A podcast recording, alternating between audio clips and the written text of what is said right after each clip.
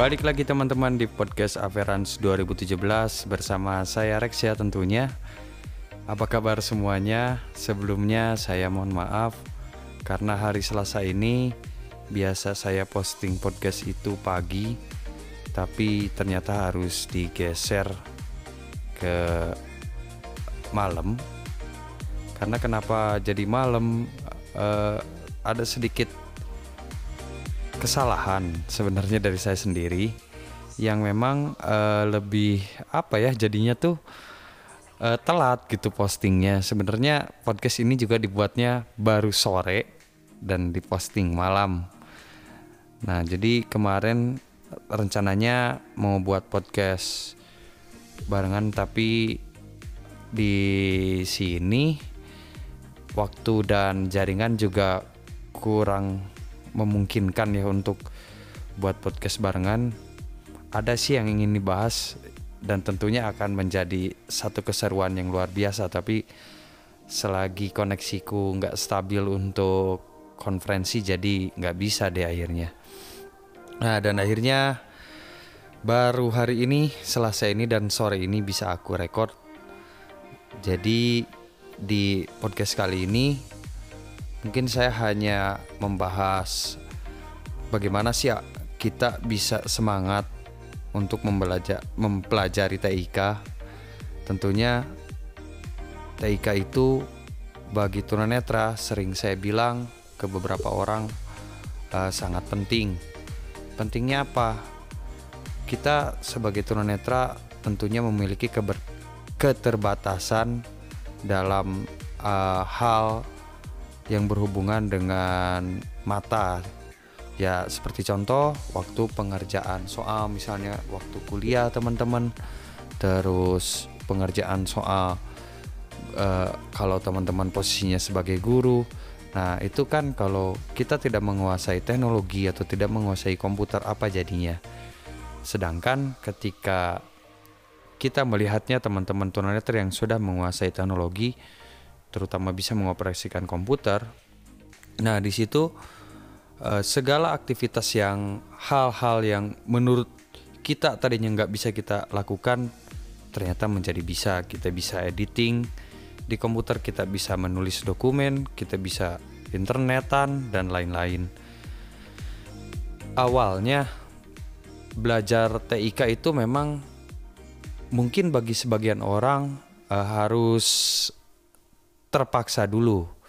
Karena saya lihat kayak contoh ada beberapa guru tunanetra di Bandung ini sebenarnya nggak tahu anti beliau ini atau nggak tahu apa ya eh, nggak uh, mau belajar lagi gitu. Jadi menganggap segalanya itu dia bisa lakukan sendiri gitu tanpa teknologi. Tapi yang terjadi malah merepotkan orang lain apa yang mereka repotkan? Hebat sih caranya karena posisinya dia sebagai guru, akhirnya dia merepotkan mahasiswa-mahasiswa yang sedang uh, eh, PPL. Nah ini kan jadinya sesuatu banget gitu ya, uh, merepotkan orang lain gitu. Sedangkan dengan teknologi itu, dengan kita menguasai laptop dan lain-lain, itu semuanya mudah bisa kita lakukan sendirian. Jadi uh, saya di sini ngajak ke teman-teman aja, lebih ke ngajak bagi teman-teman yang belum uh, belajar teknologi, mengenal teknologi accessible for the blind ataupun komputer accessible for the blind. Yuk mari dari sekarang kita mulai kita coba buang rasa malas kita, coba buang rasa gengsi kita untuk mempelajari teknologi. Karena dengan teknologi ini tunanetra menjadi mudah. Seperti contoh, saya akan mengambil hal simpel saja. Misalnya teman-teman ingin uh, lihat duit. Dulu waktu teman-teman belum mengenal teknologi atau saya belum mengenal teknologi, mau lihat duit itu susah, harus nunggu yang low vision ataupun yang normal tentunya untuk ngeliatin duit gitu. Tapi sekarang ketika teman-teman sudah menguasai Android dan mengenal salah satu aplikasi atau aplikasi pembaca uang banyak kan ada cash reader ada money reader dan lain-lain itu semuanya menjadi mudah. Tinggal arahkan kamera ke uang itu dan otomatis aplikasi itu akan uh, memberitahu kita. Kemudahan lainnya contoh kecil lagi. Ketika teman-teman dulu harus pergi ke suatu tempat itu menunggu angkutan umum lalu belum tentu angkutan umum yang teman-teman stop itu akurat. Tapi sekarang dengan adanya aplikasi Gojek online eh sorry ya ojek online gitu maksudnya. Tadi nyebutin merek I'm sorry tapi nggak apa-apa deh acu aja. Nyebutin apa kayak gituan ya gimana lagi ya kelepasan.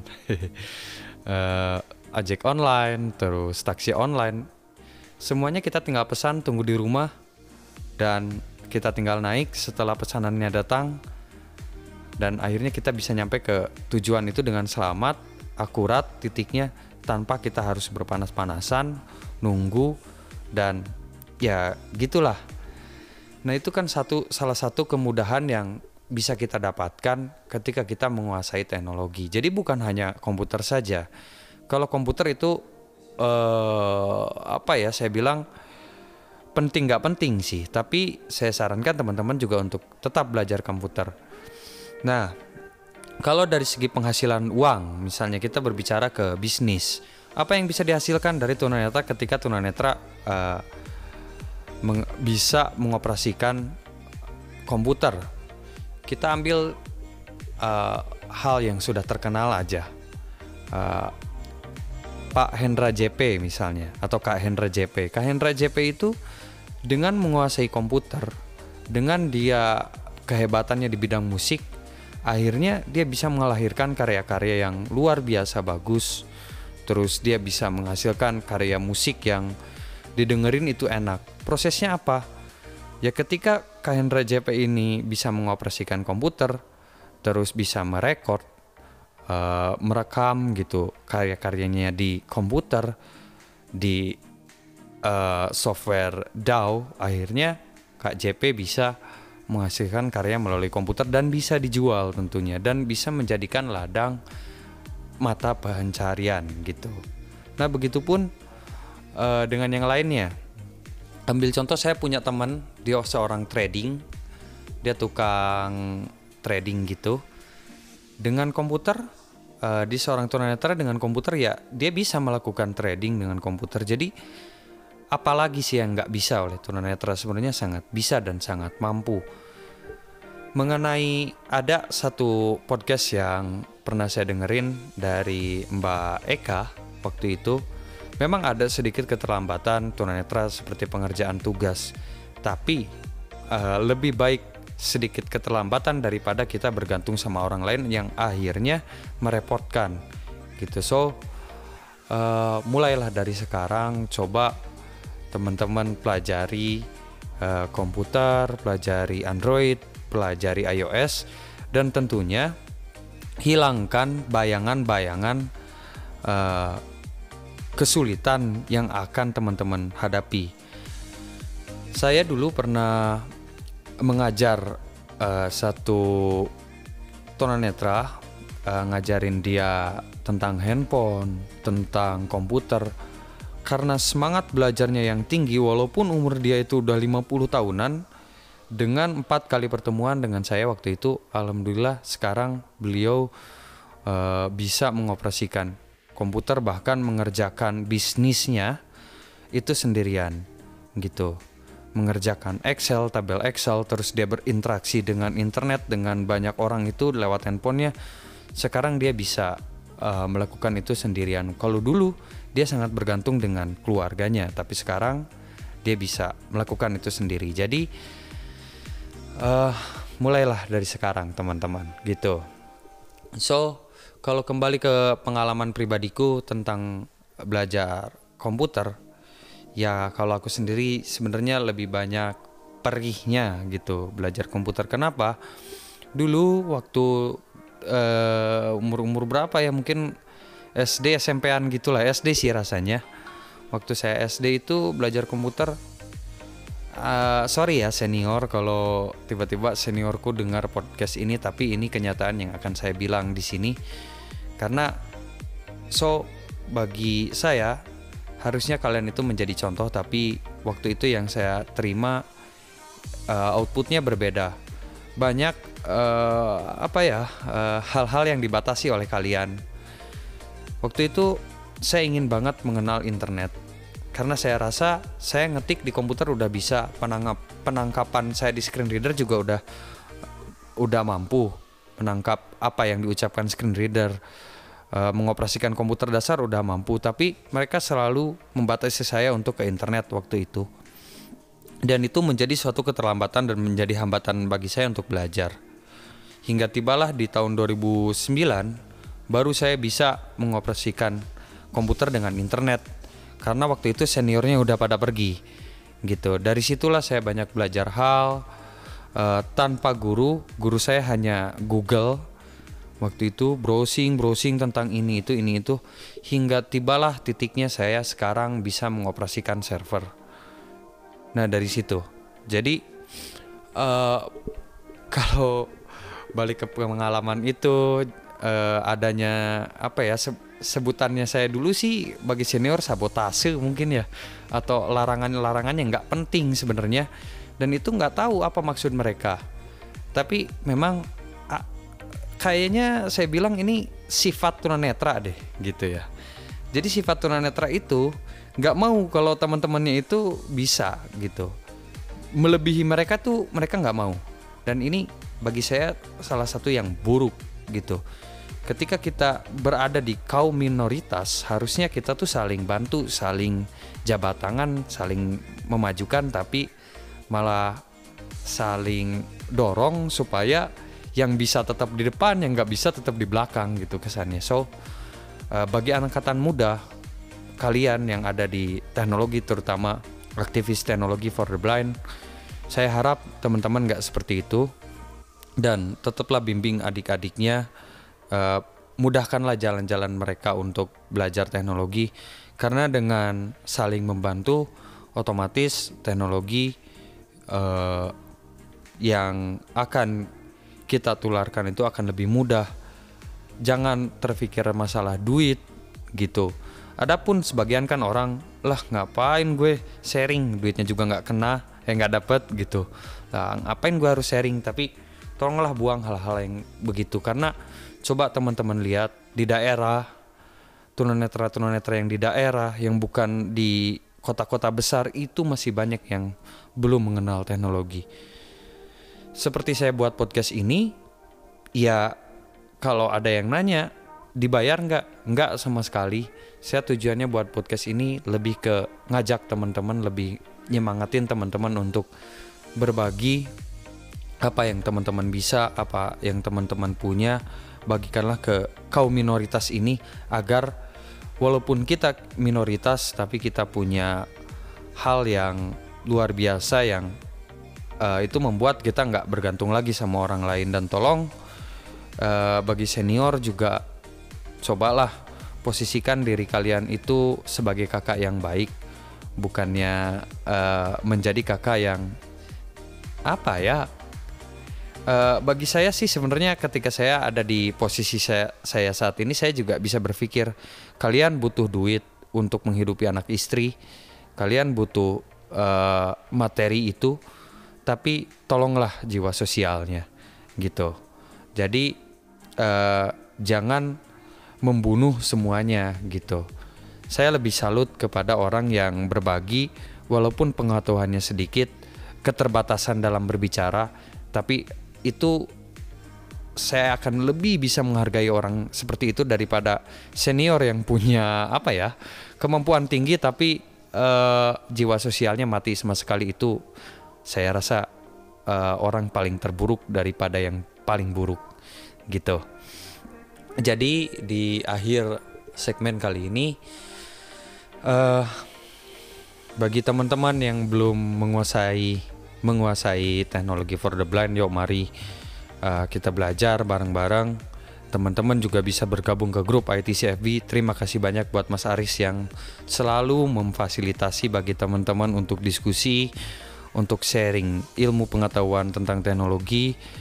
Terima kasih banyak buat pengurus ITCFB jadi bagi teman-teman yang belum bergabung ke IT CFB yang dengerin podcast ini silahkan bergabung. Karena di sana di grup IT CFB kalian akan menemukan hal-hal yang luar biasa yang uh, bagi saya itu uh, saya juga berangkatnya dari sana gitu bisa berbagi itu dari grup IT CFB bisa sharing bisa saling mengajarkan bisa saling belajar itu dari sana jadi yo mari bergabung ke sana kita uh, diskusi bareng dan tentunya melahirkan karya-karya yang luar biasa gitu ke depannya. Karya itu untuk siapa?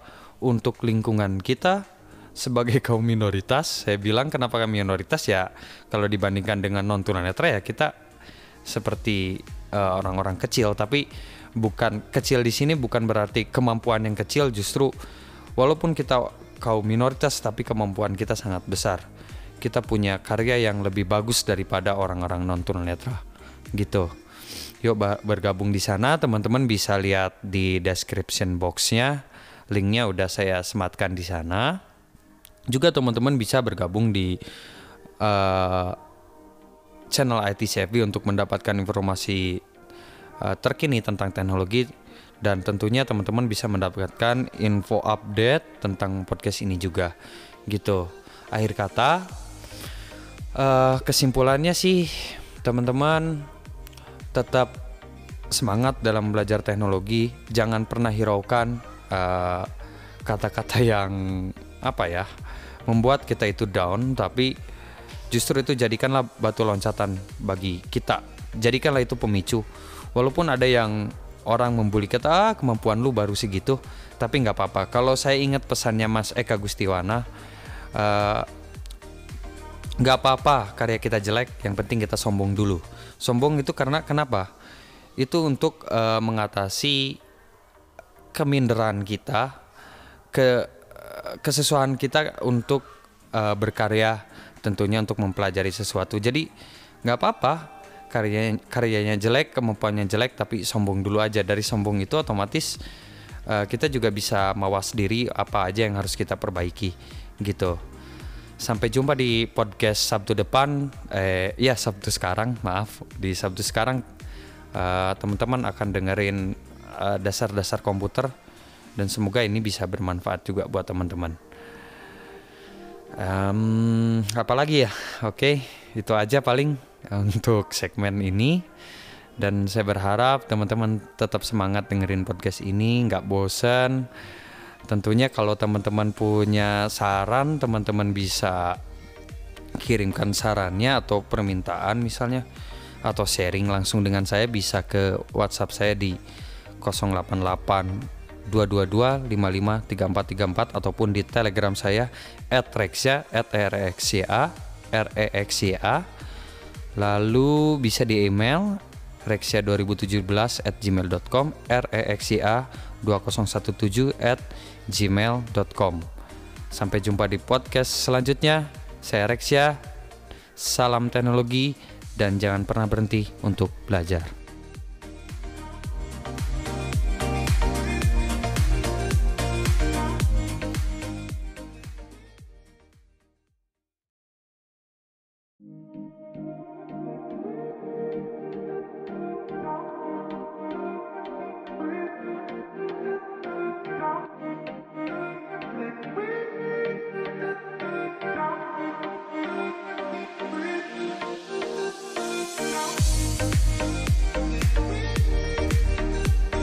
Balik lagi teman-teman di podcast Averans 2017 bersama saya Rexia tentunya.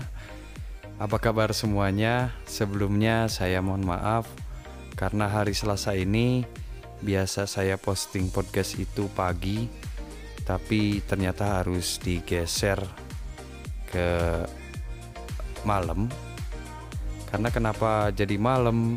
Uh, ada sedikit kesalahan sebenarnya dari saya sendiri yang memang uh, lebih apa ya jadinya tuh uh, telat gitu postingnya. Sebenarnya podcast ini juga dibuatnya baru sore dan diposting malam.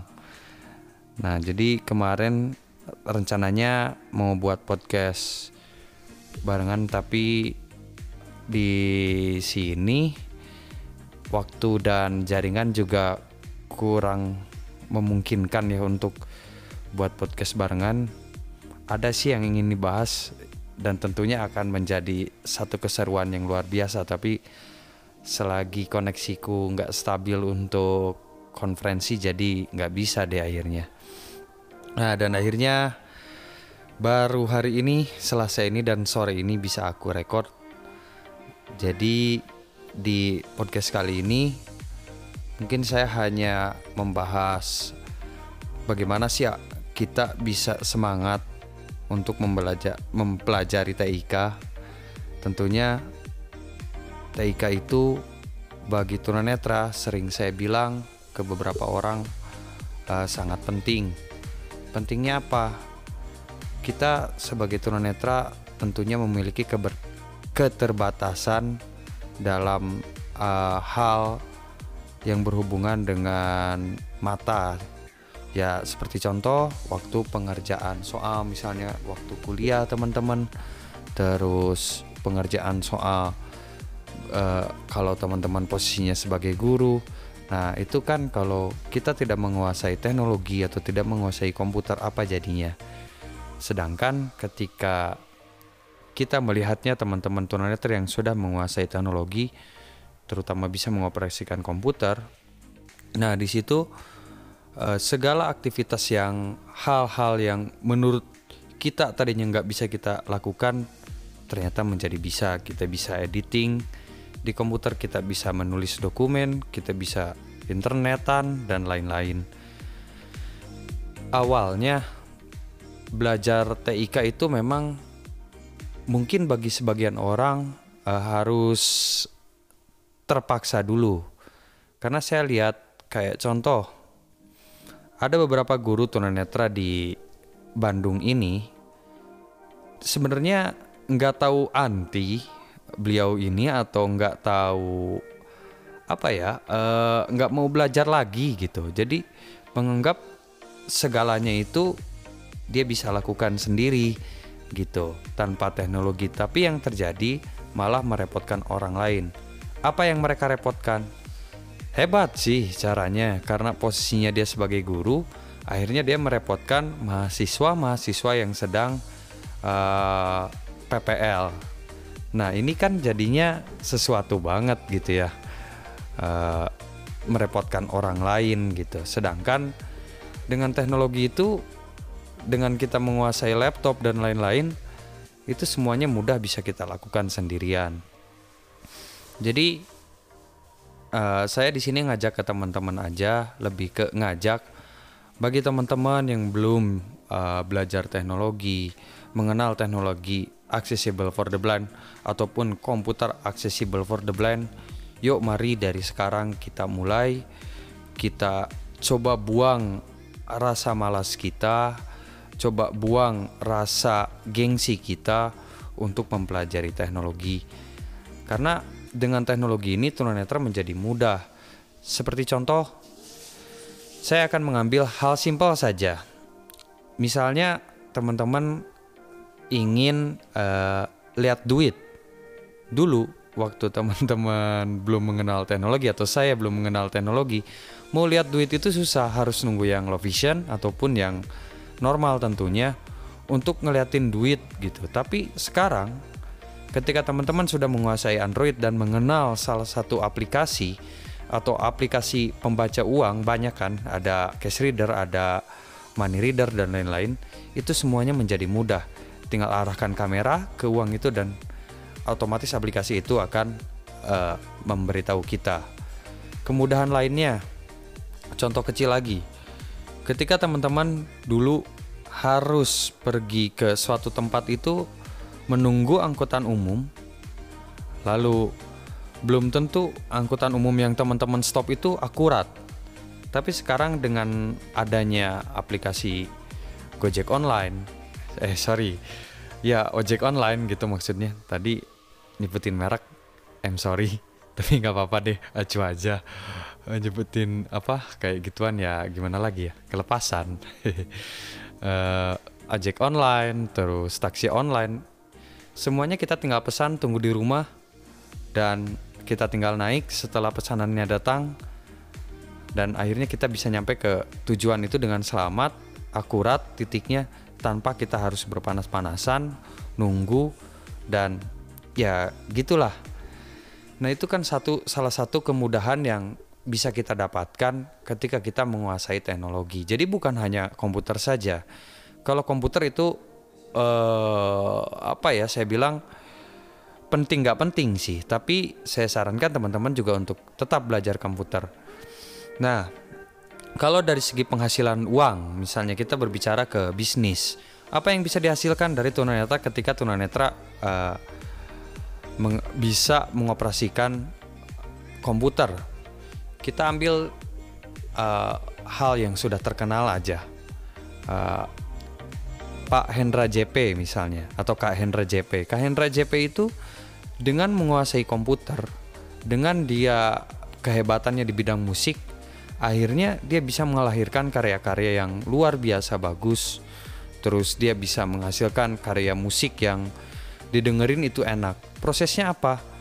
Ya ketika Kak Hendra JP ini bisa mengoperasikan komputer, terus bisa merekord, uh, merekam gitu karya-karyanya di komputer di uh, software DAW akhirnya Kak JP bisa menghasilkan karya melalui komputer dan bisa dijual tentunya dan bisa menjadikan ladang mata pencarian gitu.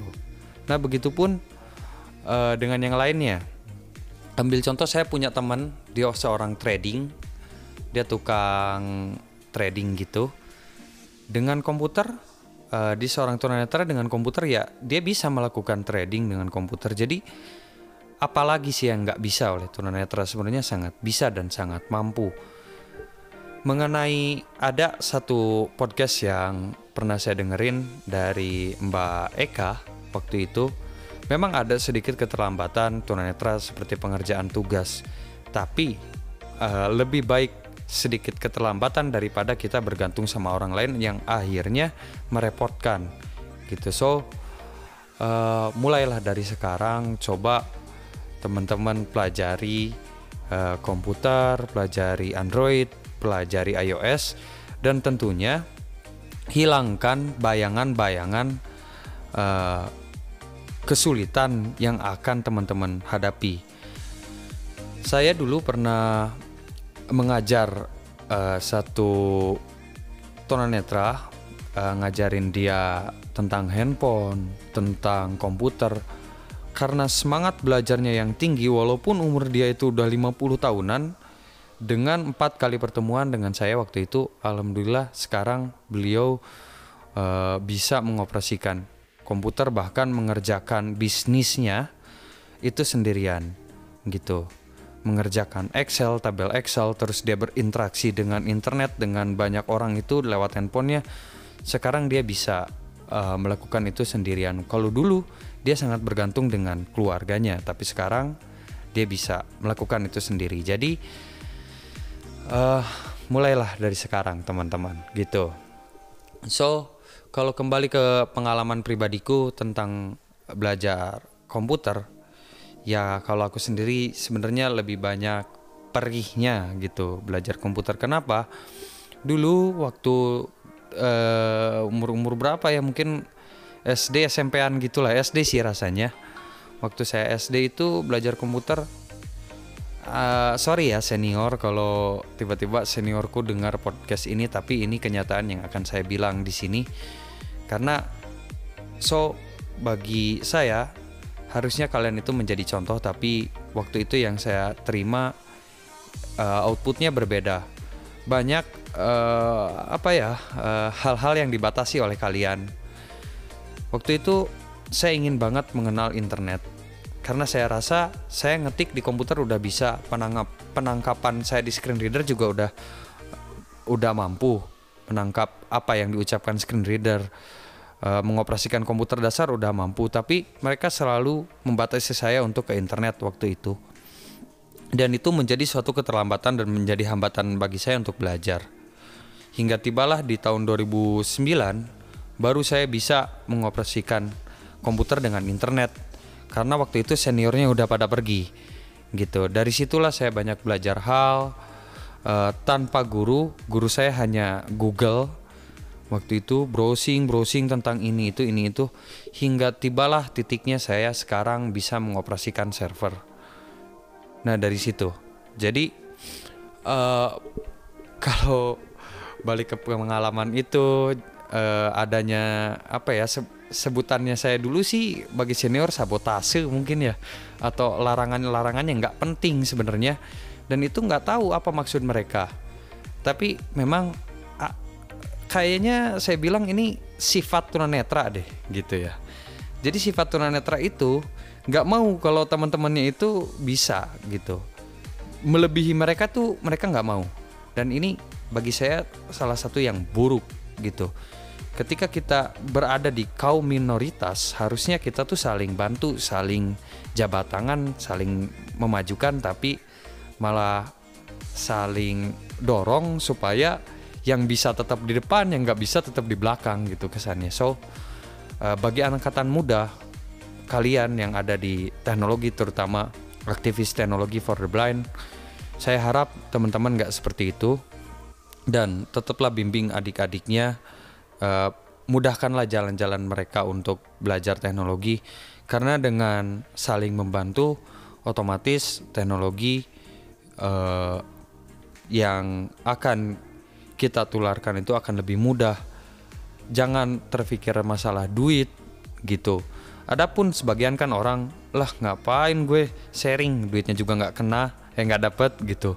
Lah ngapain gue harus sharing tapi tolonglah buang hal-hal yang begitu karena coba teman-teman lihat di daerah tunanetra tunanetra yang di daerah yang bukan di kota-kota besar itu masih banyak yang belum mengenal teknologi seperti saya buat podcast ini, ya kalau ada yang nanya, dibayar nggak? Nggak sama sekali. Saya tujuannya buat podcast ini lebih ke ngajak teman-teman, lebih nyemangatin teman-teman untuk berbagi apa yang teman-teman bisa, apa yang teman-teman punya, bagikanlah ke kaum minoritas ini agar walaupun kita minoritas tapi kita punya hal yang luar biasa yang uh, itu membuat kita nggak bergantung lagi sama orang lain. Dan tolong uh, bagi senior juga cobalah posisikan diri kalian itu sebagai kakak yang baik. Bukannya uh, menjadi kakak yang apa ya? Uh, bagi saya sih sebenarnya ketika saya ada di posisi saya, saya saat ini saya juga bisa berpikir kalian butuh duit untuk menghidupi anak istri. Kalian butuh uh, materi itu tapi tolonglah jiwa sosialnya gitu. Jadi uh, jangan membunuh semuanya gitu. Saya lebih salut kepada orang yang berbagi walaupun pengetahuannya sedikit keterbatasan dalam berbicara tapi itu saya akan lebih bisa menghargai orang seperti itu daripada senior yang punya apa ya kemampuan tinggi tapi uh, jiwa sosialnya mati sama sekali. Itu saya rasa uh, orang paling terburuk daripada yang paling buruk gitu. Jadi di akhir segmen kali ini uh, bagi teman-teman yang belum menguasai menguasai teknologi for the blind, yuk mari uh, kita belajar bareng-bareng. Teman-teman juga bisa bergabung ke grup ITCFB. Terima kasih banyak buat Mas Aris yang selalu memfasilitasi bagi teman-teman untuk diskusi, untuk sharing ilmu pengetahuan tentang teknologi. Terima kasih banyak buat pengurus ITCFB. Jadi bagi teman-teman yang belum bergabung ke ITCFB yang dengerin podcast ini silahkan bergabung karena di sana di grup ITCFB kalian akan menemukan hal-hal yang luar biasa yang uh, bagi saya itu uh, saya juga berangkatnya dari sana gitu. Bisa berbagi itu dari grup IT CFB bisa sharing bisa saling mengajarkan bisa saling belajar itu dari sana. Jadi yo mari bergabung ke sana. Kita uh, diskusi bareng dan tentunya melahirkan karya-karya yang luar biasa gitu ke depannya. Karya itu untuk siapa?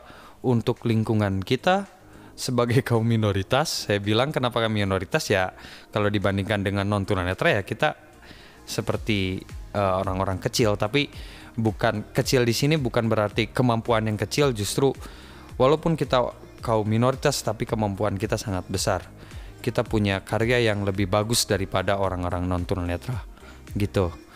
Yuk bergabung di sana, teman-teman bisa lihat di description boxnya. Linknya udah saya sematkan di sana. Juga teman-teman bisa bergabung di uh, channel IT Savvy untuk mendapatkan informasi uh, terkini tentang teknologi. Dan tentunya teman-teman bisa mendapatkan info update tentang podcast ini juga. Gitu. Akhir kata uh, kesimpulannya sih teman-teman tetap semangat dalam belajar teknologi. Jangan pernah hiraukan kata eh, kata-kata yang apa ya membuat kita itu down tapi justru itu jadikanlah batu loncatan bagi kita. Jadikanlah itu pemicu. Walaupun ada yang orang membuli kita ah kemampuan lu baru segitu tapi nggak apa-apa. Kalau saya ingat pesannya Mas Eka Gustiwana uh, nggak apa-apa karya kita jelek yang penting kita sombong dulu. Sombong itu karena kenapa? Itu untuk uh, mengatasi keminderan kita ke kesesuaian kita untuk uh, berkarya tentunya untuk mempelajari sesuatu. Jadi nggak apa-apa karyanya karyanya jelek kemampuannya jelek tapi sombong dulu aja. Dari sombong itu otomatis uh, kita juga bisa mawas diri apa aja yang harus kita perbaiki gitu. Sampai jumpa di podcast Sabtu depan eh ya Sabtu sekarang maaf. Di Sabtu sekarang uh, teman-teman akan dengerin dasar dasar-dasar komputer dan semoga ini bisa bermanfaat juga buat teman-teman. Um, apalagi ya? Oke okay, itu aja paling untuk segmen ini. Dan saya berharap teman-teman tetap semangat dengerin podcast ini nggak bosan tentunya kalau teman-teman punya saran teman-teman bisa kirimkan sarannya atau permintaan misalnya atau sharing langsung dengan saya bisa ke WhatsApp saya di 088 222 55 3434 ataupun di Telegram saya @rexya @rexya rexya Lalu bisa di email rexia2017 at gmail.com rexia 2017 at gmail.com Sampai jumpa di podcast selanjutnya. Saya Rexia, salam teknologi dan jangan pernah berhenti untuk belajar.